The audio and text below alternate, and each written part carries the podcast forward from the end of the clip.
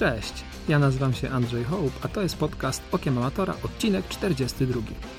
Dzisiaj rozmawiam z Małgosią Otworowską, mamą, zawodnikiem, trenerem i menadżerem klubu. Wszystko w jednym. Małgosia opowiada nam o tym, jak łączy te wszystkie funkcje w całość. Z Małgosią rozmawiamy też o tym, jak przebiegała jej kariera zawodnicza, potem trochę na temat y, przerwy, którą miała w związku z macierzyństwem i o bardzo mocnym powrocie do ścigania w 2019 roku, gdzie pokazała, na co ją jeszcze stać.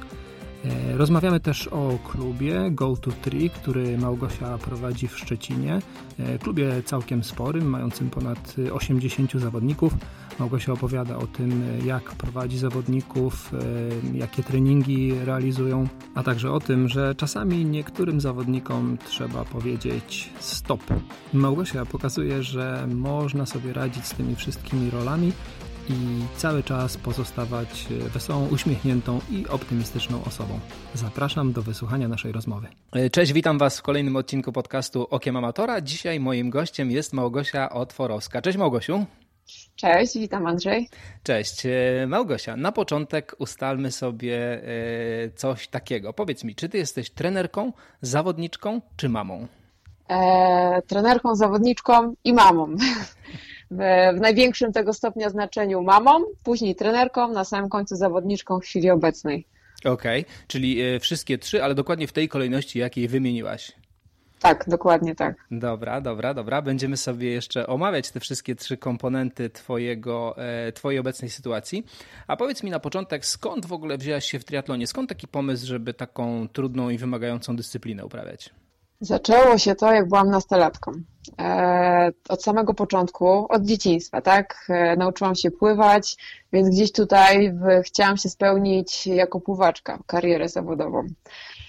E, bardzo dobrze pływałam. E, trener też widział, że mam możliwości. Predyspozycji fakty nie było, bo byłam bardzo malutka, ważyłam 35 kg, będąc już w gimnazjum, ale gdzieś tam moją smykałkę zaangażowanie widział. I razem z trenerem e, na Śląsku wpadliśmy na pomysł, że przeniosę się do Szkoły Mistrzostwa Sportowego do Oświęcimia i tam e, pod okiem e, pani trener Jadwigi Zielińskiej, którą swoją drogą bardzo serdecznie pozdrawiam, bo dalej działa e, z młodzieżą. Bardzo doznałam bardzo intensywnego pływania szkoły takiej prawdziwej, pływackiej, oświęcimskiej. No i tutaj po dwóch latach miałam medalę Mistrzostw Polski w pływaniu. Jednak to okazało się bardzo duże, bardzo mozolne, czasochłonne, tak samo pływanie gdzieś tam. E, no i po gimnazjum stwierdziłam, że jednak wracam do domu z powrotem. Też rozłąka tutaj z domem zrobiła swoje, bo byłam ponad 100 km od domu, byłam wtedy nastolatką. Dużo kwestii się na to złożyło. Wróciłam do domu, pół roku miałam przerwy, nic nie trenowałam, nic nie robiłam. No, ale ciągnęło wilka do lasu, czyli do sportu. Już nie ciągnęło mnie do pływania, ale gdzieś coś porobić. Zawsze biegałam, zawsze jeździłam na rowerze dosyć dobrze i znalazł się trener na Śląsku od triatlonu, który zaproponował mi um, udział w treningach na początku, później w zawodach. I w zasadzie po kilku miesiącach e, trenowania gdzieś tam triatlonu sobie powiedzmy, wygrałam ogólnopolską olimpiadę młodzieży w zwykłych pedałach i w butach w Adidasach. Pamiętam to do dzisiaj. Takie pedały z noskami? E... Czy zwykłe w ogóle bez nosków? Nie, w ogóle zwykłe, bo noski to totalnie u mnie kończyły się katastrofą, wywrotką, także to były zwykłe takie e, jak do górala, tak, pedały, buty normalne, Adidasy i tak sobie e, wygrałam, pamiętam, to było w Szczecinku w 2000, mm, w 2007 2007 albo w 2008 roku. No i tym samym dostałam się do kadry narodowej i tak już się potoczyła moja, moja kariera triatlonowa. Tak, bardzo mi się to spodobało, okazało się, że możliwości mam, predyspozycje też, no i, no i tak to poszło, już tutaj jestem bardzo długo. Czyli od 2007 tak naprawdę to był taki tak. pierwszy poważny start. Mm, dokładnie, mm. dokładnie Wiesz co, tak. Mnie, mnie tak zastanawia jeszcze, żeby się na chwilę cofnąć do tego, do tego pływania, bo wielu profesjonalnych zawodników, z którymi rozmawiałem właśnie zaczyna od tego pływania. Mhm. Mm, czego ja osobiście gdzieś tam nie do końca rozumiem, ale e, bardziej mnie interesuje, bo wiesz, samo, samo pływanie jest taką ciężką dyscypliną jednak, prawda? No bo te treningi zapewne tak. w SMS-ie odbywają się no przynajmniej dwa razy dziennie, pewnie tak, jeden dokładnie. jakoś super wcześnie rano przed lekcjami, drugi jakoś tam dokładnie. po południu. E, człowiek jest strasznie, strasznie zmęczony, to ty faktycznie tak chciałaś pływać? To, to, to był taki, taka twoja wewnętrzna potrzeba, czy ktoś gdzieś tam jednak cię tak trochę popychał?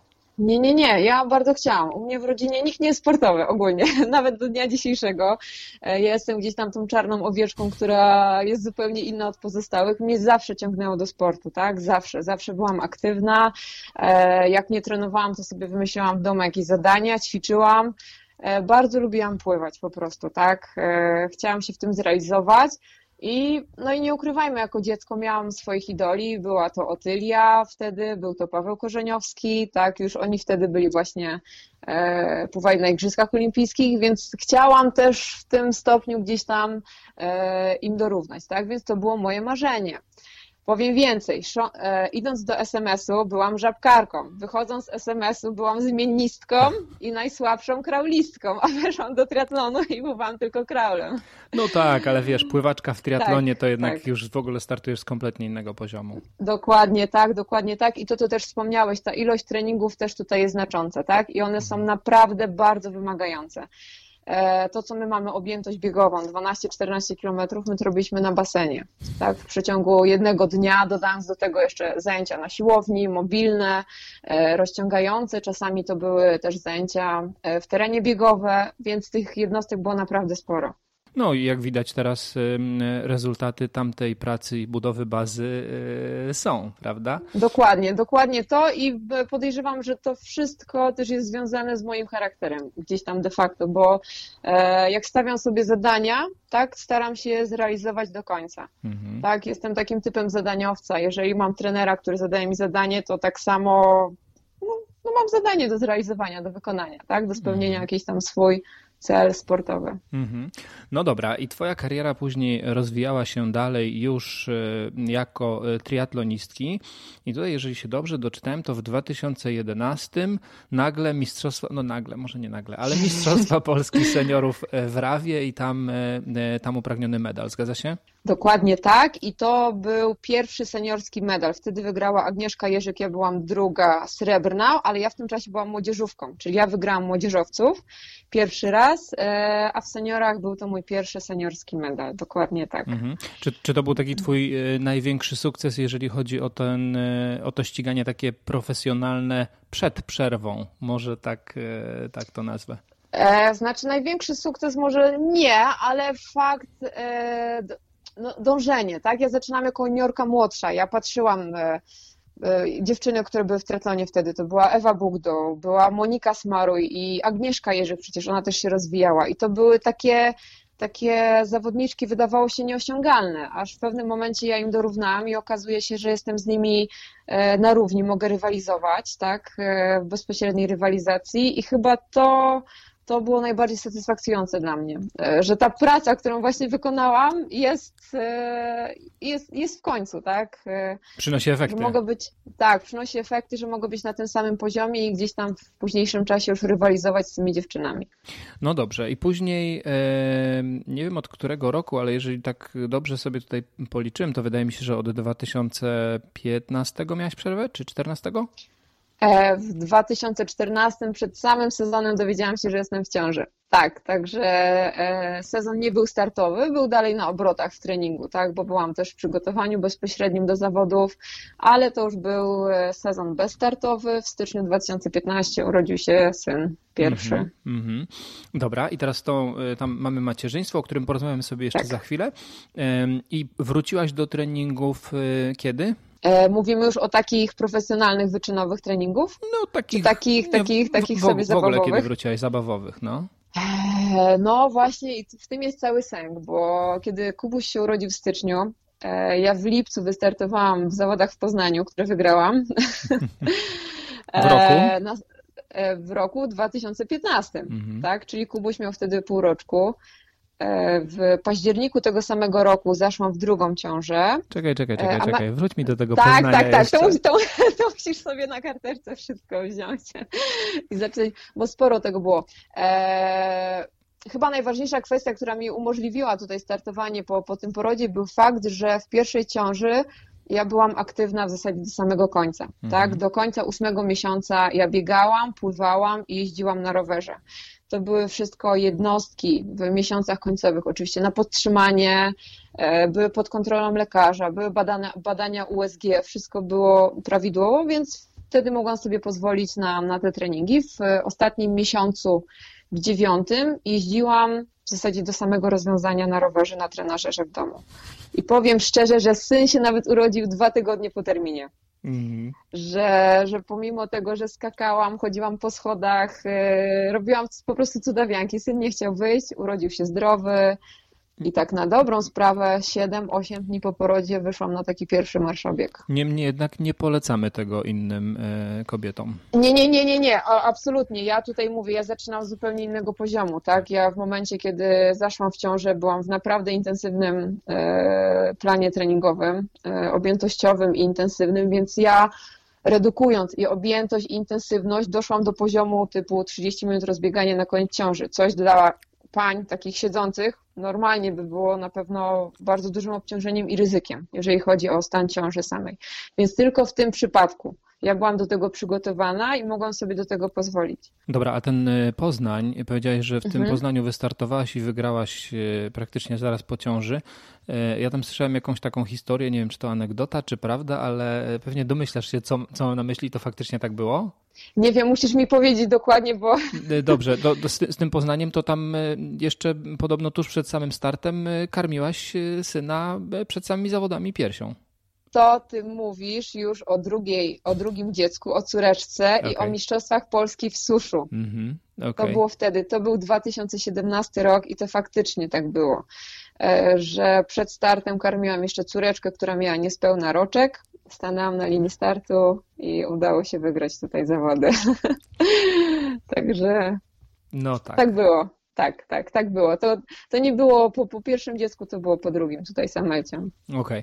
dobra, ale to, to, to na tym nie koniec, bo e, wracasz do takiego profesjonalnego, można powiedzieć, ścigania w 2019 roku, według tego, co tak, tak sobie wypatrzyłem. I teraz e, uwaga dla naszych słuchaczy, mamy po kolei, może nie po kolei, ale pierwsze miejsce e, w kategorii kobiet 51-50 Warszawa.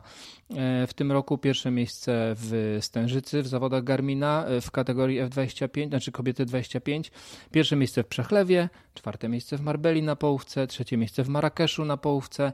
Y, no, jak na kogoś, kto wraca po czteroletniej przerwie, to całkiem nieźle. E, tak, dokładnie, zgadza się z tym. E, a jeszcze dołożyłabym do tego cegiełkę taką, że sezon startowy 2019 Przygotowania do niego zaczęłam pod okiem Tomka Kowalskiego w połowie grudnia 2018 mhm. roku, tak? I to powiem, że całkowicie przypadkiem e, Tomek pojawił się u nas w Szczecinie e, prowadził wykład po prostu na temat treningu kolarskiego w oparciu o, o, moc, tak, o pomiar mocy. Był tutaj u nas w mieszkaniu, nocował, porozmawialiśmy sobie e, na wiele kwestii, wiele tematów. I powiem szczerze, że w zasadzie po tym spotkaniu, gdzieś tam dwa, trzy tygodnie później zaczęliśmy współpracę na, na próbę. To był taki mój powrót, więc to też nie było tak, że ja byłam cały czas w jakimś treningu e, tutaj i, i sobie poszłam, więc od tego grudnia zaczęłam tak naprawdę intensywnie, systematycznie trenować. No i powiem, efekty mnie również zaskoczyły. Mhm, jaki pokazał, ja, tak, pozytywnie, jaki pokazały, że faktycznie gdybym e, dalej była w ciągu treningowym, gdybym faktycznie mogła się dalej realizować jako zawodowy e, triatlonista, tak, zawodnik, faktycznie te wyniki na arenie światowej mogły być bardzo fajne. Y, mogłyby być albo mogą być. Y, ja rozumiem, że to jeszcze nie, nie powiedziałaś ostatniego słowa. E, nie powiedziałam dokładnie e, ostatniego słowa, ale e, byłam zawodowym sportowcem i to tak naprawdę w pełni słowa tego znaczeniu, czyli miałam umowy sponsorskie, czyli to była moja praca, tak, de facto. Mogłam temu poświęcić pełni czas, bo z tego byłam rozliczana, e, bardzo mi na tym zależało. No niestety przez pandemię sytuacja się zmieniła. Gdzieś tam e, tych sponsorów już, już nie mam. E, musiałam sobie poradzić w inny sposób, więc ten mój trening odszedł na, bym powiedziała, trzeci, czwarty plan. Ruszam się, czuję, że moc jeszcze mam, pod nogą potrafię pobiec, potrafię pojechać i tak dalej, ale no nie jest to tak, jak było na przykład w zeszłym roku czy półtorej roku temu. E, jeżeli chciałabym wrócić, to na pewno, tak. E, nie, nie, nie ukrywam, że tutaj ciągnie mnie cały czas do, do tego, ale w momencie, gdybym zdecydowała się na powrót, naprawdę chciałabym znowu wrócić na ten swój poziom gdybym zdecydowała się, czyli rozumiem, że jeszcze się nie zdecydowałaś na ten powód. Nie, nie, nie, bo na to ma wpływ wiele, wiele tutaj kwestii też e, osobistych. E, mam też zawodników, tak, e, gdzie tutaj naprawdę to mnie w pełni satysfakcjonuje i, i na tą chwilę chciałabym się na tym skupić. Dobra, czyli na chwilę obecną zawodnikiem raczej nie jesteś, tylko bardziej tak ruszasz się, można powiedzieć, rekreacyjnie. Powiedziałabym, że jestem sparring partnerem do treningów, o. bo też nadaję tempa, tak, e, jednak tym króliczkiem jeszcze też jestem, bo jeszcze daję radę, powiem też. E, już powoli zawodnicy mnie doganiają. Czekam na moment taki, że ja będę widziała ich plecy. A wiesz co, to, to, to tutaj mi przy, przyszło mi do głowy taki, taki, taki temat. Mm, myślisz, że taki zawodnik amator, który e, gdzieś tam nie miał takiej przeszłości zawodniczej jak ty, Mhm. jest w stanie osiągnąć gdzieś tam zbliżony poziom na rowerze albo na bieganiu? Bo na pływaniu zakładam, że pewnie nie, bo jeżeli ktoś nie mhm. pływał e, jako dziecko wyczynowo, to, to pewnie nie ma szans, chociaż popraw mnie, jeżeli się mylę. E, a w mhm. tych dwóch pozostałych dyscyplinach? Wiesz co, e, w zasadzie ma na to wpływ wiele kwestii. Przede wszystkim, czy ta osoba ma przeszłość sportową. Jeżeli ma przeszłość sportową, to jakby nie, e, jakby nie było, mamy już troszkę sprawę uproszczoną, mhm. tak? bo on miał jakieś do czynienia z treningiem. Jeżeli to był tre, trening bardziej wyczynowy, nawet w, za czasów nastolatka, no to też on gdzieś tą pamięć mięśniową ma i na pewno będzie mu łatwiej. Ale czy on jest w stanie wbić się na ten poziom? Znowu mamy wiele kwestii, które mają na to wpływ, czyli jego obecna sytuacja, e, czy on ma pracę fizyczną, czy on ma pracę biurową, ile czasu on może poświęcić na trening, ile czasu może poświęcić na regenerację bo to jest wszystko całościowo składa się na nasz poziom sportowy, tak? Jeżeli ktoś po mocnym treningu nie ma opcji regeneracji, no to no to musimy kombinować, tak? Albo dajemy trening luźniejszy, albo coś tutaj kombinujemy, nie wiem, jedzeniowo, żywieniowo, ale odpowiadając na Twoje pytanie, tak i nie. Tak i nie, tak? Więc tutaj na pewno czas, jaki możemy e, wygospodarować na trening, jakie mamy możliwości, czy mamy duże zobowiązania w stosunku do pracy, do, do rodziny, jak nasza rodzina też postrzega nasze trenowanie, bo to też ma wpływ, tak? Jeżeli ktoś ma cały czas wyrzuty sumienia, że idzie na trening, no to wiadomo, że jemu zajmie więcej czasu dojście do takiego poziomu, albo w ogóle nigdy go nie osiągnie. No mamy też bariery fizjologiczne których czasami nie przeskoczymy. Są też osoby z przeszłościami, z przeciążeniami do mnie trafiają, z dużymi na przykład kiedyś, tak? Mhm. Więc najpierw, żebyśmy doszli do takiego punktu zero, że on jest sprawny i możemy zacząć dalej trenować, no to to też czasami zajmuje sporo czasu. No a czas, jak wiemy, płynie nieubłagalnie do przodu, metryka, tak. i tak dalej, i tak dalej. Tak, Więc tak. myślę, że nie ma jednoznacznej odpowiedzi na to pytanie. Niektóre osoby myślę, że mogą, tak? A, a nawet y, ten poziom naprawdę wysoko sobie tutaj podnieść. No a niektóre może bardzo by chciały, ale niestety gdzieś tam te życie. Bo, bo, bo tak pytam, bo pamiętam, że po, podobną rozmowę miałem kiedyś z Rafałem Pierścieniakiem i on y, tak mówił, że o ile na rowerze czuje, że zawodnicy zaczynają go doganiać, mhm. na, na, na bieganiu, co po niektórzy ci lepsi też, to tak na pływaniu bardzo, bardzo ciężko I, i w zasadzie jeżeli ktoś nie pływał, właśnie tak jak mówiłem wcześniej, wyczynowo jako dziecko, no, no to szanse na, na, na, na nadrobienie tej, e, tej, tej różnicy są bardzo, bardzo małe, jeżeli nie żadne wręcz, nie? Tak, tak, to prawda. Jeżeli chodzi o pływanie, to, to tutaj tak, to nie ma, nie ma w ogóle dyskusji, tak, bo mhm. tutaj też mam osoby, które, które na przykład uczę pływać i, i widzę różnicę w momencie, kiedy osoba nie miała nigdy styczności z pływaniem. To jest naprawdę bardzo bardzo duży problem. To jest osoba już ukształtowania mięśniowo, e, przeważnie nie ma koordynacji ruchowej, która jest bardzo ważna w pływaniu, tak? Więc no, to, to jest bardzo ciężko. E, mężczyznom jest łatwiej podnieść ten poziom, tak, to niż ciekawe. kobietom. E, macie więcej testosteronu, macie lepszą to, się wiąże ogólnie z utrzymaniem też e, masy mięśniowej ogólnie, tak? U Was rzecz biorąc, tak? U kobiet jest to łatwiej, nam też jest problem, mamy też większy problem ze zbudowaniem tej masy mięśniowej. E, więc wydaje mi się, że na rowerze tak, na bieganiu tak, na pływaniu bardzo ciężko, mhm. bardzo ciężko. Okay. Więc to też, to też może być dlatego e, przyczyna, dlaczego tak wielu mężczyzn ucieka w te długie dystanse, bo te pływanie często traktujemy tak mhm. powierzchownie, żeby tylko przepłynąć, a jednak tutaj większą pracę skupiamy na rowerze i na biegu. Absolutnie, absolutnie. Tak y, właśnie się poczułem, jakbyś troszkę opisywała moją sytuację, ale, ale to nie, nie o mnie dzisiaj rozmawiamy. Dobra, y, jeszcze y, ten 2019 rok tak w miarę, w miarę podsumowałem, ale powiedz, w 2020 udało się gdzieś wystartować, czy ten rok był taki dosyć specyficzny i nie chciałaś się specjalnie naginać? Był specyficzny pod każdym względem. No, no ciężki był, naprawdę był bardzo ciężki. Jeszcze wiadomość o tej pandemii gdzieś tam e, przybiła gwóźdź do trumny, tak? Także tutaj już było, było zajęcie się zawodnikami w momencie, kiedy była możliwość grupowania się, kiedy była możliwość wyjścia na, na zewnątrz. No mówię, ja jestem cały czas aktywna do tej pory, ale to nie jest tak, że stricte skupiam się na swoim treningu, że wychodzę na swoje zadania, bardziej jest to podtrzymanie. Czasami sobie zrobię zadanie mocniejsze, dłuższe, no ale tutaj już jest praca głównie z zawodnikami. I już nie pracujesz z Tomkiem Kowalskim? E, na tą chwilę nie. Na tą chwilę nie, ale wiem, że jest to jedyna osoba, e, z którą bym na pewno pracowała w przyszłości, gdybym wróciła do, do treningu. Mhm, na, na, pewno, na pewno by się ucieszył. E, dobra, a powiedz mi, co z perspektywy tej twojej kariery zawodniczej aż do roku 2019 uważasz za swój największy sukces? Pod względem sportowym? Tak. E, do końca 2019 roku?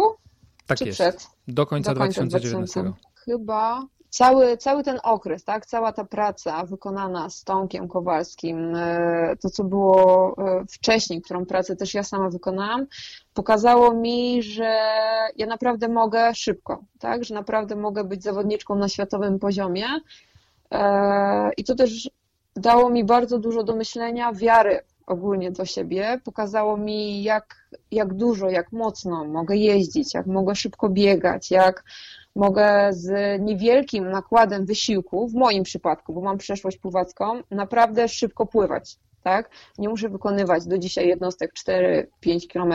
Wystarczyły 2 km, dobry bodziec y, dookoła gdzieś tam tego treningu, podtrzymanie siłowe i naprawdę byłam w stanie no, no, no zrobić ogólnie całą połówkę, tak? 4,20 wydaje mi się, że to już jest wynik naprawdę, naprawdę spory. Był to niedosyt dla mnie. Mam kilka, e, kilka zawodów, kilka celów na swojej liście do zrobienia, do zrealizowania. Są to na pewno Mistrzostwa Świata na połówce, które gdzieś tam się nie odbyły. Cały czas wiszą mi gdzieś tam w głowie. Na pewno jakaś połówka albo pełny Ironmana w Polsce, na swoim podwórku po prostu, tak? E, także A, tego. Nie startować na długim troszkę... dystansie, na pełnym w sensie jeszcze, nie? Jeszcze nie. jeszcze nie, jeszcze nie. Okay. Tak, no, jeszcze w tym roku masz szansę e, w Gdyni na pełnym dystansie wystartować. Nie, nie, nie. Mówię, jak będę startowała, to, to ja naprawdę, ja muszę czuć, że jestem przygotowana, tak? Bo ja też nie chcę z marszu startować. Powiem tak, nie interesują mnie starty na zaliczenie, bo na zaliczenie wiem, że nawet dzisiaj ubiorę się i ja zrobię tego pełnego Ironmana, tak? Ale no jednak chciałabym powalczyć o wynik, chciałabym powalczyć o miejsce, no i, i mhm. wrócić, mm. wrócić po prostu na swój poziom sportowy. Dobra, ale mimo wszystko nie odpowiedziałaś mi na pytanie, czyli co jest no właśnie, właśnie. sukcesem? jednym sukcesem. Myślę, um, może to pytanie też by trzeba było Tomkowi zadać Kowalskiemu, mhm. bo to jest tak naprawdę podsumowanie naszej pracy. Ostatni start w Maroku. Wyszłam pierwsza z wody do 87 kilometra na rowerze. Prowadziłam całą stawkę. E, byłam z siebie bardzo zadowolona. Kurczę, aż tak mówię, aż nie wiem, no nie do wiary, tak? E, także chyba start tam w tym Maroku był takim takim e, przypieczętowaniem e, tego wszystkiego, całej mojej pracy i jestem z tego najbardziej zadowolona. Mhm. Tak, z tego trzeciego miejsca. Ja, ja, się zastanawiałem, które, mm, które z tych trzech y, mm, elementów wybierzesz. Właśnie albo, albo ten start w Maroku, ewentualnie 51-50 y, w Warszawie i zwycięstwo. A mhm. mówię o tym dlatego, że mimo, że to są zawody w Warszawie, one są mm, zawsze na bardzo wysokim poziomie. E, mhm. Jednak nie i tam ciężko jest y, gdzieś tam znaleźć się, na samej górze. E, ewentualnie te Mistrzostwa Polski w suszu, e, które już wspomnieliśmy kiedyś e, wcześniej w, trakcie naszej rozmowy. 51-50 e, fakt, e, to też były takie zawody bardzo wysokie rangą. Wynik też tam nie bardzo zaskoczył, jak i zadowolił, tak? Bo to też nie była wygrana z 10-15 sekundową przewagą, tylko tam było ponad minutę. E, no nie, jednak te, te Maroko to było takim przypieczętowaniem całości całego sezonu, całej pracy, jaką wykonaliśmy, tak? Też e, pamiętam jednostki, które wykonywałam, kolarskie we wrześniu, w październiku, to już tam były takie kosmiczne waty i ja byłam w stanie to po prostu ukręcić, tak? E, dla mnie, do mojej masy, gdzie tam 52 kg w sezonie startowym e, kręciłam i to był naprawdę kosmos ale to było mega zadowolenie z siebie po prostu, tak? I ten Marrakesz to była taka naprawdę wisienka na torcie. Musisz na wiatr uważać z taką masą. E, no, pełne koło to raczej, to raczej średnio pod moją masą, ale osiemdziesiątka z tyłu, piątka z przodu naprawdę spisywała się fantastycznie w moim przypadku i, i dała radę. Także tutaj, tutaj ten Marrakesz zdecydowanie. Dobrze, Marrakesz. Dobrze, na początku e, wspomniałaś, że jesteś e, trenerką trenerką czy trenerem, ale będziemy mówić chyba trenerką, e, że jesteś też trenerką i tutaj moje pytanie, skąd, skąd też taki pomysł, żeby w ogóle te, trenować, bo tak, tak naprawdę wiele kobiet trenerek w Polsce chyba nie ma. E, nie, nie mówię, że wcale, ale, ale jednak mhm. jesteście w zdecydowanej mniejszości. Zdecydowanie tak, no ale no nawet tutaj e, przywołując Tomka z powrotem, no to mamy Olgę przecież, mamy. tak? Tutaj jest e, team trenerzy, trenerzy, którzy po prostu fantastycznie się zgrywają. Skąd się to wzięło? No powiem tak, prowadzę zajęcia na dobrą sprawę już chyba z 10 lat, takie na basenie, tak? E, naukę pływania. To początkowo było z dziećmi. Jeszcze przed porodem zaczęłam współpracę z zawodnikami już tam powoli to gdzieś tam raczkowało, można by było spróbować, zobaczyć.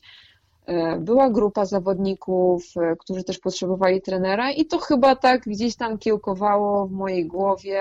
Ukończyłam też studia w tym kierunku, tak, e, IKF tutaj szczeciński nasz. No, interesuje mnie to bardzo, praca z ludźmi, tak, ich każdy, każdy zawodnik jest inny, każdy zawodnik ma inne potrzeby, więc jakby tutaj doszukiwanie się, się tego, jak e, każda osoba e, wpływa na, znaczy na nich, jak wpływają jednostki treningowe, tak? Jak na każdą osobę i, inaczej, in, inaczej reagujemy. Inna osoba e, będzie po, po, jednym treningu zmęczona, inna super będzie się czuła, bo on to zabodźcowało, a tego zawodnika to po prostu zabiło. I gdzieś chyba ta to taka ciekawość, tak, tutaj pracy, no jeszcze tutaj byłam zawodnikiem, no chyba to tak samo przyszło z siebie po prostu, tak.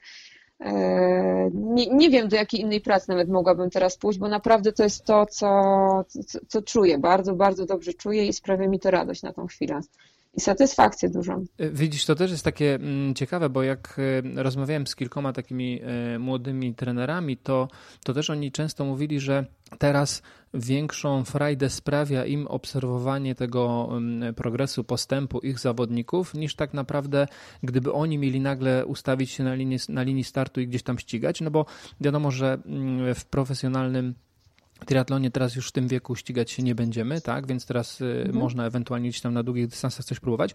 A tutaj jednak są ci zawodnicy, którzy przychodzi ktoś i na przykład zaczyna karierę od zera i poprawia się, poprawia z sezonu na sezon coraz lepsze wyniki. No właśnie słyszałem od trenerów, że często sama taka obserwacja tego progresu wśród zawodników jest naprawdę bardzo satysfakcjonująca dla, dla trenera. Dokładnie, dokładnie. I myślę, że to też jest połączenie z Twoim pytaniem odnośnie moich startów na, na dzień dzisiejszy na przykład, tak? Bo w momencie, kiedy przyszły do mnie osoby we wrześniu czy w październiku zeszłego roku i to były totalne laiki, ja na przykład teraz widzę, że są to osoby, które sprawnie przebiegną na 5 km bez problemu, jadą na rowerze szosowym, wykonują zadania, e, poprawiły się kosmicznie na basenie, to dla mnie to jest mega, mega satysfakcja, tak? E, właśnie patrzenie na, na ten ich progres, jak oni się poprawiają. Albo cofają się do tyłu. Jak cofają, to szukamy dlaczego, co jest tym spowodowane. E, ja też siebie trenowałam, sama siebie przez długi okres czasu, sama siebie też obserwowałam i, i, powiem tak szczerze, że nie miałabym tyle satysfakcji teraz, w momencie, kiedy ja bym stanęła na linii startu i bym tam, nie wiem, wygrała albo po prostu bym kończyła zawody, jak e, kibicowanie zawodnikom. I na przykład widziała, że oni potrzebują tego dopingu, ja ich dopinguję, tak? Oni wiedzą, że ja tam jestem, bo to też jest dla nich dosyć istotne.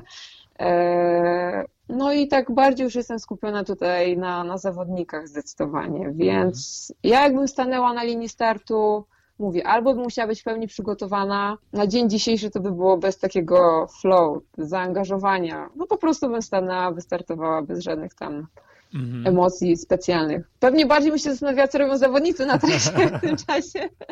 czy ja już kogoś minęłam, czy ktoś mnie minął, gdzie jesteśmy. Nie no, ktoś cię minął, to chyba bez przesady.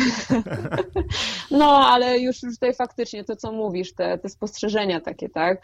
E, a tym bardziej, jeżeli mm, widzimy, że praca, którą wykonaliśmy przez e, dany okres albo od początku współpracy faktycznie przynosi efekty, że ten zawodnik się poprawia, że osiągamy swoje małe cele, które gdzieś tam zakładaliśmy, E, jesteśmy na bardzo dobrej drodze do osiągnięcia tego celu głównego, czy tam tej szczytowej formy, no to to jest, to jest najbardziej e, satysfakcjonujące w tej chwili. Prowadzisz klub, nazywa się, który nazywa się Go to Tree albo Go to Try. Tak, tak, tak, e, tak, dokładnie. Dobra. Powiedz mi, to jest hobby, to jest twoja praca, co to jest? Mm, założyłam oficjalnie, oficjalnie, tak, działalność dwa lata temu. Mhm. Czyli tak na dobrą sprawę e, w październiku mam zarejestrowaną działalność, a w grudniu zaczęłam trenować z Tomkiem Kowalskim, więc to gdzieś tam ze sobą się powiązało, ale to Pierwsze, dlaczego to zrobiłam? No miałam już jakąś tam swoją grupę, grupę zawodników i chciałam to jakby zlegalizować formalnie, żebyśmy, żebyśmy byli już jakimś teamem, żeby to nie było, że latamy sobie po krzakach i jesteśmy po prostu nie wiadomo kim. Mhm. To się też wiązało oczywiście z możliwościami wynajęcia obiektów sportowych i tak dalej, i tak dalej. Zawsze jest łatwiej, jak to już jest jakaś firma, jakaś grupa, niż jak osoba indywidualna. No i tak, tak to się wszystko potoczyło, tak? Mieliśmy zawodników, na początku była to jedna grupa, na chwilę obecną mamy ich kilka, kilka, więc od, od września się bardzo, bardzo mocno rozwinęliśmy, ale to też ze sprawą, mówię, pandemii, bo ja jako zawodnik już jakby straciłam pracę i musiałam sobie znaleźć po prostu zajęcie, no musiałam zacząć pracować, więc tutaj, tutaj rozwinięcie całej grupy, całego teamu,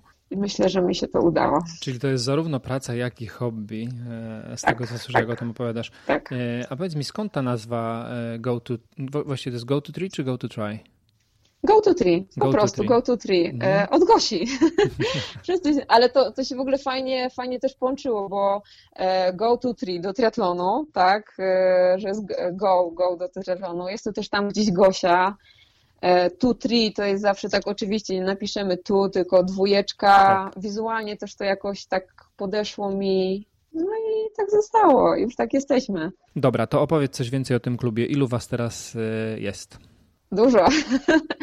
Dużo, e, bo mam, mam grupy typowo pływackie, czyli osoby, które do mnie przychodzą na naukę pływania, na doskonalenie, i zaawansowanych zawodników, którzy mają typowy trening pływacki, którzy przygotowują się do startu w triatlonie. Mhm. Łącznie jest nas ponad 80 osób. No to dużo. Wszystkich. No tak, jest nas, jest nas sporo, jest co robić. A to ci zawodnicy są wszyscy y, ze Szczecina, czy różnie? E, pracuję też z osobami spoza Szczecina, z Polski i prowadzę ich po prostu jako trener triatlonu, tak? Przygotowuję ich do startu w triatlonie, więc oni tutaj sobie realizują jednostki sami. No chyba, że tak jak teraz mieliśmy obóz, to była możliwość spotkania się i potrenowania wspólnie w Szklarskiej Porębie. Mhm. No dobra, wracamy do klubu. No i, i, i, co, mhm. i co robicie? Na czym to polega? E, polega tak, że od poniedziałku do piątku mamy zajęcia na basenie. E, mamy trzy, trzy poziomy, tak? Umiejętności, czyli tak jak już wspomniałam, grupa początkująca, ucząca, doskonaląca i ta najbardziej zaawansowana, która ma stricte treningi pływackie przygotowujące do startów. E, mamy wspólne zajęcia biegowe, mamy również wspólne zajęcia kolarskie, które przeważnie odbywają się w weekend, tak? Jakieś dłuższe rozjazdy, teraz już to zamieniamy na intensywniejsze jednostki, zakładki, zaraz będziemy się sprawdzać biegowo i, cudawianki. Ogólnie od poniedziałku do niedzieli widujemy się średnio codziennie albo co drugi dzień. Tak sobie pomyślałem o tych e, rozjazdach na zewnątrz. E, e, to ja nie wiem, jaka jest pogoda w Szczecinie, ale w Warszawie to dosłownie było kilka dni w tym sezonie, żeby można było faktycznie wyjść. Tak. Tak, no dokładnie u nas też. No jedyne co, to dzisiaj faktycznie zaświeciło słoneczko, to już się lepiej biegało, bo też mieliśmy intensywne zadanie rano, już jesteśmy po treningu. Jutro planujemy dłuższy rozjazd, bo pogoda ma być ładna 24-25 stopni, więc tak, ale ta pogoda w tym roku w porównaniu do zeszłego to jest katastrofa. W zeszłym mm. roku o tej porze, nie, nie, nie, biorąc pod uwagę pandemii, tak, no to gdzieś tam każdy jednak wychodził na ten rower, była już ta możliwość, były też chęci, bo była pogoda, no a w tym roku to jest strasznie ciężko, strasznie ciężko. A jak tylko jest okienko, to po prostu zabieramy się i lecimy. Mhm. Czyli tak naprawdę trenujesz y, zawodników na wszystkich poziomach, od tych całkiem początkujących, aż po. Dokładnie tak. Mówiłaś takich, że przygotowują się do zawodów. Masz też takich zawodników, którzy gdzieś tam mają w planach na przykład, nie wiem, start na Hawajach albo y, jakieś takie inne duże cele, którym faktycznie pomagasz i widzisz, że, że jest szansa, że coś się wydarzy. E, na Hawajach to myślę, że u kilku osób to kiełkuje, kiełkuje, ale one jeszcze takie nie są do końca pewne, tak? Na pewno starty w tym roku im też wiele pokażą i odpowiedzą na pytanie po prostu, e, czy one są w stanie się tam zakwalifikować, czy to jest faktycznie ich marzenie do zrealizowania, czy też nie. E, mam kilku zawodników bardzo dobrze rokujących, którzy faktycznie przez ten rok bardzo, bardzo mocno poszli w górę, podnieśli poprzeczkę wysoko. No tutaj już Karolina na przykład w zeszłym tygodniu, dwa tygodnie temu e, zdobyła Mistrzostwo Polski, tutaj już zrobiła kwalifikację na Mistrzostwo Europy. E, jest też Rafał, jest też kilka innych osobów, które mają wysokie aspiracje na ten, na ten sezon. Wiesz co, tak jak słyszałem od zawodników, e, z którymi pracujesz, takie, e, taki trochę feedback na twój temat, to to, że masz bardzo fajne takie indywidualne podejście do każdego i nawet mimo tego, że trenujecie w grupie, to starasz się każdego potraktować tak trochę indywidualnie, że nie trochę, indywidualnie, e, tak żeby, żeby miał odczucie, że faktycznie ten, ten trening jest taki personalizowany pod niego. Powiedz mi, to tak naturalnie ci przychodzi, czy tak pracujesz nad tym, musisz się się tak e, skupić na tym? Zupełnie naturalnie, zupełnie naturalnie i chyba już to też wspominałam, e, mówiąc, że każdy zawodnik jest inny. Tak? W momencie, kiedy ktoś się do mnie zgłasza i na przykład mówi, że chce się przygotować do triatlonu. Ja mówię, dobra, okej, okay, no to właśnie rozmawiamy na tematy jego możliwości, jego przyszłości, jaki on jest, no i potem dochodzi do momentu, kiedy ja go widzę na basenie, widzę go na rowerze, widzę go na biegu i widzę, jakie on ma albo ograniczenia, albo braki i staram się bardziej go uświadomić to, co musimy zrobić, niż rzucać go do jednego wora, bo na przykład wiem, że on nie zrealizuje mi zadania większości osób. Tak? Mhm. Więc e, przy tak dużej grupie, która jest na przykład na, na treningu pływackim, pomimo, że jest to trening pod kątem zawodów i tak mamy różnorodność. Tak, więc jeżeli dana osoba ma 8 powtórzeń, a ta wiem, że nie zrobi 8, to ja wolę, żeby ona mi zrobiła 6, ale porządnie. Też kwestia nastawienia. E, tak, przychodzi mi to naturalnie, bo sama widzę, że, to, że osoby, zawodnicy mają też taką potrzebę, żeby im po prostu zwrócić uwagę, żeby im powiedzieć, a ja chyba też tak w naturze mam, że jak coś widzę, że coś nie działa, coś nie pyka, to po prostu powiedzieć albo chodź na boczek na słówko wsparcia, musimy pogadać. A zdarza ci się mm, zniszczyć komuś marzenia? To znaczy zawodnik przychodzi i mówi, a chce się dostać na Hawaje. I wchodzi do tej wody i ty widzisz, o matko. E, wydaje mi się, że tak. Wydaje mi się, że tak, ponieważ przychodzą zawodnicy, którzy mają bardzo duże ambicje w stosunku do ich możliwości no obecnych. Czyli one, oni sobie już na dzień dobry stawiają takie cele na, na tą chwilę na przykład nierealne, no to wtedy to jest bardziej rozmowa typu, że słuchaj, musimy się cofnąć troszkę do tyłu, musimy popracować najpierw nad wzorcami ruchowymi, nad tym, żebyś ty był sprawny, mógł realizować jednostki duże objętościowo i żebyśmy się znowu nie cofali na przykład w tył, żebyś nie doznał kontuzji, przeciążenia, no to wtedy taki zawodnik głowa w dół i mówi, o nie.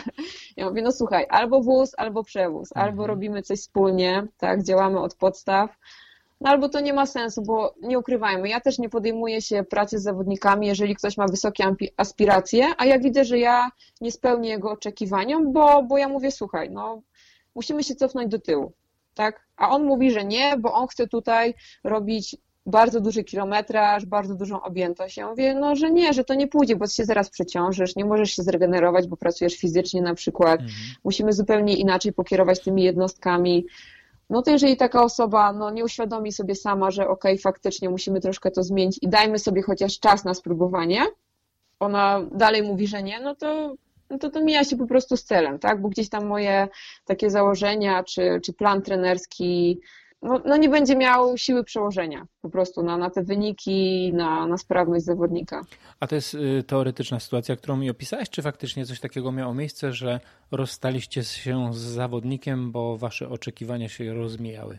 Był jeden tylko taki zawodnik, który faktycznie rozstaliśmy się i to było już na zasadzie mojej, bo on po prostu przestał realizować plan treningowy, który był założony ode mnie, tak? E, miesiąc czy półtorej przed głównymi zawodami jego w sezonie zaczął realizować jakieś swoje jednostki, bo się czuł podmęczony, bo tutaj to. No i nawet moje tłumaczenia w stylu, że musisz być teraz podmęczony, bo za chwilę nastąpi kompensacja, że ta forma pójdzie do góry, nie skutkowały i ten zawodnik zmieniał cały czas te swoje jednostki, tak? Jeżeli ja też nie dostaję od zawodnika feedbacku albo ktoś mi odpisuje no, moje jakieś tam pytania rzeczowe odnośnie jego osoby albo treningu typu tak, nie, nie wiem, no to, no to to już się nie klei, tak? E, no, no, musi być ten flow pomiędzy trenerem a zawodnikiem, musi być ta spójność, zawodnik musi mieć zaufanie do trenera. Jak już tego nie ma, no to, to ta praca po prostu fizycznie nie pójdzie. No, no to, to się nie da, bo wtedy trener będzie coś tam sobie rozpisywał, zawodnik albo to zrealizuje, albo nie. No a nie ukrywajmy, plan treningowy to jest, to jest cykl, całość, tak? Jedna jednostka ma przełożenie na drugą, jedna wynika z czegoś. Jeżeli mamy E, powiedzmy cały tydzień, 7 dni, który ma, e, mamy powiedzmy dwa akcenty biegowe, tam dwa rowerowe albo trzy, no to też te akcenty nie są nałożone dzień po dniu, dlatego bo by było za ciężko, więc one też są rozłożone w dniach. Czasami mamy akcent rowerowy przed akcentem biegowym, to też ma jakiś cel tam, sens. No i to, to, to trener wie, dlaczego to jest. No a jak to zaczynają się jakieś tam roszady, przez dłuższy okres czasu jakieś niedomówienia potem dochodzą, no to te takie... To uczciwe, jeden taki rodzaj... podejście. Tak, jeden taki rodzynek się po prostu trafił i ja powiedziałam, że nawet moja praca, co ja bym nie robiła, to i tak nie będzie miała przełożenia. No bo no widzę, co się dzieje, że to, to nie pyknie po prostu. Mhm. Obóz w Szklarskiej Porębie udał się? E, tak, udał się bardzo. bardzo się udał. Jestem tutaj zadowolona z, z zawodników, z pracy przede wszystkim, jaką wykonali. Tak? Na samym wstępie mówiłam, że, że trening w górach to zupełnie inny trening niż ten na, na nizinach. Jest bardziej wyczerpujący. Tutaj mamy jazdę po górach. E, te treningi są zamulające, no bo mamy ciągle tą siłę, ciągle tą siłę robimy, tak? Mhm są zmęczeni, mają prawo być zmęczeni, ale to, to, tak, to tak miało być. I wróci i zaprocentuje. Dokładnie tak, dokładnie. Jeżeli odpoczną tutaj teraz y, sobie mądrze, solidnie, to, to tak zaprocentuje w sezonie. Dobra, słuchaj, e, powiedzieliśmy sobie, że jesteś mamą, jesteś e, trenerem. Ja teraz jeszcze dodam, że jesteś też menadżerem klubu, e, no. Bo, bo, bo tak jest. Jak ty znajdujesz na to wszystko czas? E... Powiem tak, e, jestem nocnym markiem, bardzo często chodzę późno spać. To nietypowe dla pływaka, co? E, nie, ale to, to już mówię, to już są kwestie po prostu przestawienia rotacji, ale to wszystko wynika z, malutkich dzieci, którym też muszę poświęcić czas. Mhm. W momencie, kiedy dzieci idą do przedszkola, mam czas, żeby popracować. Więc tutaj też mój nawet czas zawodniczy, gdybym ja sama chciała realizować jakieś jednostki, e, jest ba, ba, bardzo skrócony jest, tak? E, mam 3-4 godziny w ciągu dnia, gdzieś tam, które bardzo intensywnie spędzam na, na łączach, przy komputerze, przy telefonie, no i potem wieczorem wszystkie możliwości, jakie mobilnie mogę załatwić, realizuję. No bo to brzmi, że y, tego faktycznie jest dosyć, y, dosyć dużo. Możesz mi taki przykładowy dzień życia y, Małgosi opisać? No pewnie, pewnie, że mogę.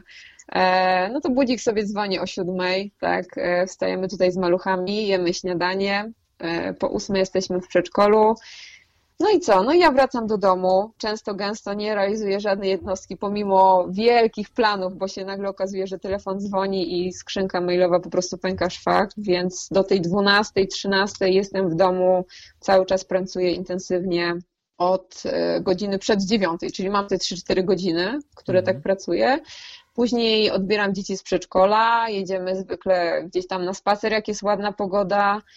Wracamy do domu, jemy obiad, no i gdzieś tam w godzinach wieczornych po 18 wychodzę na zajęcia. Jeżeli mamy biegowe, no to wychodzę na zajęcia biegowe, jeżeli ich nie ma, to dopiero później na zajęcia na basenie. Do wracam do domu. Tak, po 22 wracam do domu, e, kolacyjka czy tam jedzonko i wtedy komputer i działamy, i działamy. No to, to ciężko, to długi dzień masz. E, tak, tak, dosyć, dosyć długi, dosyć długi. No ale to, to, to się z czymś wiąże, to jest wszystko, wszystko powiązane ze sobą. Mhm. Dobra, teraz mieszkasz e, w Szczecinie, oryginalnie jesteś ze Śląska, jeżeli mam poprawne informacje. Dokładnie, dokładnie e, tak. Tęsknisz za rodzinnymi stronami? Powiem szczerze, że tak, że, że coraz częściej mnie tam ciągnie. E, nie powiem, że się tam przenoszę, bo to, to może by było za dużo. Jakby, Jakby zawodnicy to usłyszeli, to, to, to by był koszmar, ale no mam takie chwile, gdzie, gdzie myślę, że gdybym była gdzieś tam koło mamy, byłoby mi troszkę łatwiej na co dzień. Tak muszę sobie radzić, ale też sobie dajemy radę. Dobra, będziemy powoli zbliżać się do końca. E, powiedz mi jeszcze, czy planujesz ewentualnie powrócić do ścigania, już nawet niekoniecznie na tym poziomie pro, ale tak, żeby, żeby zrobić ten pełny dystans, a może, a może inaczej, a może masz w głowie e, Hawaje gdzieś tam e, z tyłu głowy jest gdzieś taka koncepcja, czy, czy na razie niekoniecznie? Mam. Mam, ale też nie mogę za dużo mówić na mhm. razie w tym, w tym temacie. Tak, tak, plany mam, e, są oczywiście chęć do powrotu tego treningu ale tutaj już na pewno jeżeli w kategorii pro to będzie się wiązało z bardzo dużym wyzwaniem, myślę, że to będzie bardziej w kategorii tutaj age gruperów. I, no i co, no mam, mam, mam swoją listę zadań do zrobienia, które są nadal nieodhaczone do zrealizowania. E, no ja tak jak wspomniałam, jestem zadaniowcem. Tak jak sobie stawiam cel, to no po prostu go realizuję, więc to też są moje cele na mojej liście do zrobienia. No dobra, to na koniec powiedz mi jeszcze, jakie plany na ten sezon? Mm, ten sezon dla kogoś, kto będzie słuchał tego podcastu później, mówimy o sezonie 2021. Dla mnie jako zawodnika, dla moich zawodników. Jedno i drugie, tak. Okej. Okay. E, mojego, mój sezon startowy, jeżeli będzie, to na pewno zacznie się pod koniec sierpnia albo września, bo z tego co widzę też wszystkie imprezy są tak przekładane, tak? Mhm. E, czuję też jakiś taki obowiązek na sobie w stosunku do Mistrzostw Polski w duatlonie na dystansie długim, które się odbyły i które już w zasadzie są przekładane cały czas, cały czas co roku. W zeszłym roku się nie odbyły. E, w tym roku miał się odbyć w maju, zostały przesunięte na wrzesień. Jestem cały czas aktualną mistrzynią Polski seniorów. No i nie powiem, że jakoś tutaj do obrony tego tytułu nie mhm. ciągnie, żeby stanąć. E, kolejna cegiełka przyłożyli Warszawę. Tak, już to nie jest tam 51-50, ale Niestety. jest to połówka. Też przesunęli na wrzesień. I to też gdzieś tam mnie korci cały czas z tyłu za plecami, mówi diabełek, że, że spróbuj, spróbuj, zacznij się ruszać tutaj systematycznie i zobaczymy, co z tego wyjdzie. Więc u mnie to taki duży znak zapytania. Nie mówię tak, ale też nie mówię nie. Tak? Mhm. E, jeżeli chodzi o moich zawodników, to, to oni w zasadzie sezon startowy zaczną w czerwcu, jeżeli się nic nie zmieni. Pierwsze zawody to będą na jednej czwartej, e, są plany na połówce w Elsinore, ktoś będzie startował, jeżeli start się odbędzie, tak? Takim na pewno głównym startem tej części sezonu to będzie start e, Karoliny w Mistrzostwach Europy w duatlonie, mhm. gdzie tutaj się przygotowuje cały czas e, dosyć, dosyć istotny start. Na pewno będziemy startować w Mistrzostwach Polskich, które będą age grouperów na dystansie olimpijskim w sierpniu. Są dystanse długie, bo równo, są, jest Wolsztyn, jest Malbork, sporo osób do Przechlewa się zapisało. No i mówię, wszystkie zawody, które są przekładane gdzieś tam z miesiąca na miesiąc, z roku na rok i to kwestia pytania, czy one się faktycznie odbędą, czy nie. Mhm. No to prawda, są, są przekładane. Jak, jak, jak na razie chyba mamy tylko potwierdzenie, że Garmin planuje wystartować ze swoją tak, serią w tak, terminie. Tak, tak. Mhm. To ogólnie też bardzo fajnie, tak, bardzo fajnie, bo jakby nie było, jest zawodnikom bardzo ciężko z motywacją. W momencie, kiedy zapisują się na zawody, właśnie jak sam wiesz, też jesteś zawodnikiem, tak jest. I te zawody ciągle słyszysz, że są przekładane na kolejny start. Zrozumienie, bo sytuacja pandemiczna, ok, ale ten zawodnik po prostu buduje tą formę, trenuje i nagle no jakby mu skrzydła podcięli, tak? No my tutaj staramy się robić testy, sprawdziany, żeby jednak ta motywacja gdzieś tam była cały czas. Fajnie, że jest Filip, który tutaj z Marcinem trzymają tego Garmina, że chcą, żeby te zawody się odbyły, bo to naprawdę bardzo dużo da nam wszystkim tutaj w środowisku triatlonowym w Polsce. Ja nawet nie wiem, czy, czy gorsze jest przekładanie tych zawodów e, ciągłe, czy taka niepewność, czy one się odbędą, czy się nie odbędą. I przynajmniej jak już wiesz, że a, są przełożone albo, albo będą, no to, to tym lepiej, ale przynajmniej wiesz, na czym stoisz. A takie szykuję się do zawodów i na dwa tygodnie przed zawodami ciągle właściwie nie wiem, czy będą, czy nie będą, to, to chyba jest gorsze niż, e, niż sama ta wiadomość o przełożeniu. Tak, zgadzam się z Tobą dokładnie, bo wiele osób ma po prostu zaplanowane, nie wiem, powiedzmy pierwsze pół roku, tak? tak? Albo kwartalnie sobie. Jest to związane też z urlopami w pracy, bo jeżeli mamy zawody weekendowe, ktoś sobie weźmie w piątek, powiedzmy urlop i się nagle okazuje, że tych zawodów nie ma. Forma zbudowana, zawodów nie ma, dzień wolny zabrany z pracy też w zasadzie, no to jest... Bez sensu.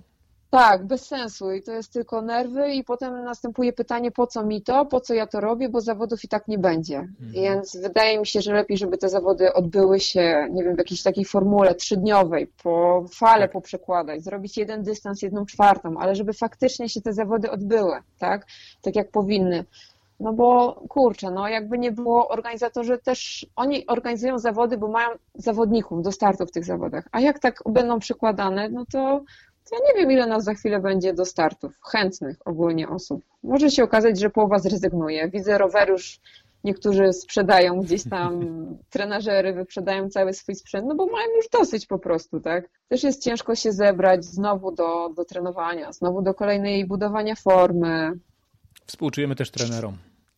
No, no, no właśnie, no to też nasza ta kwestia tutaj mówię, szukanie na pewno jest w naszej e, gestii tutaj tych motywacji dla zawodników, tak? Czyli tych sprawdzianów, tych e, mocnych zadań grupowych, jak najbardziej, żeby zawodnicy czuli faktycznie, że to, co robią, ma, ma jakiś sens i będzie miało przełożenie w późniejszym terminie. Może nie tu teraz, ale za jakiś czas żeby im to odzwierciedliło tą pracę, którą oni wykonali. No bo nie ukrywajmy, jeżeli mamy intensywną pracę zawodową, mamy jeszcze rodzinę do tego, to poświęcenie dwóch godzin w ciągu dnia to jest naprawdę dużo.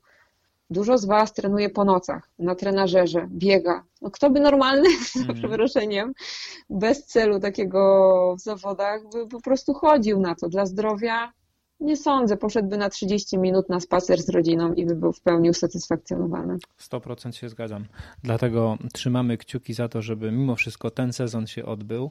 E, tak. Jeżeli chodzi o ciebie, to trzymam kciuki za twój powrót do ścigania, bo bardzo fajnie byłoby zobaczyć ciebie na linii startu i na wysokich miejscach.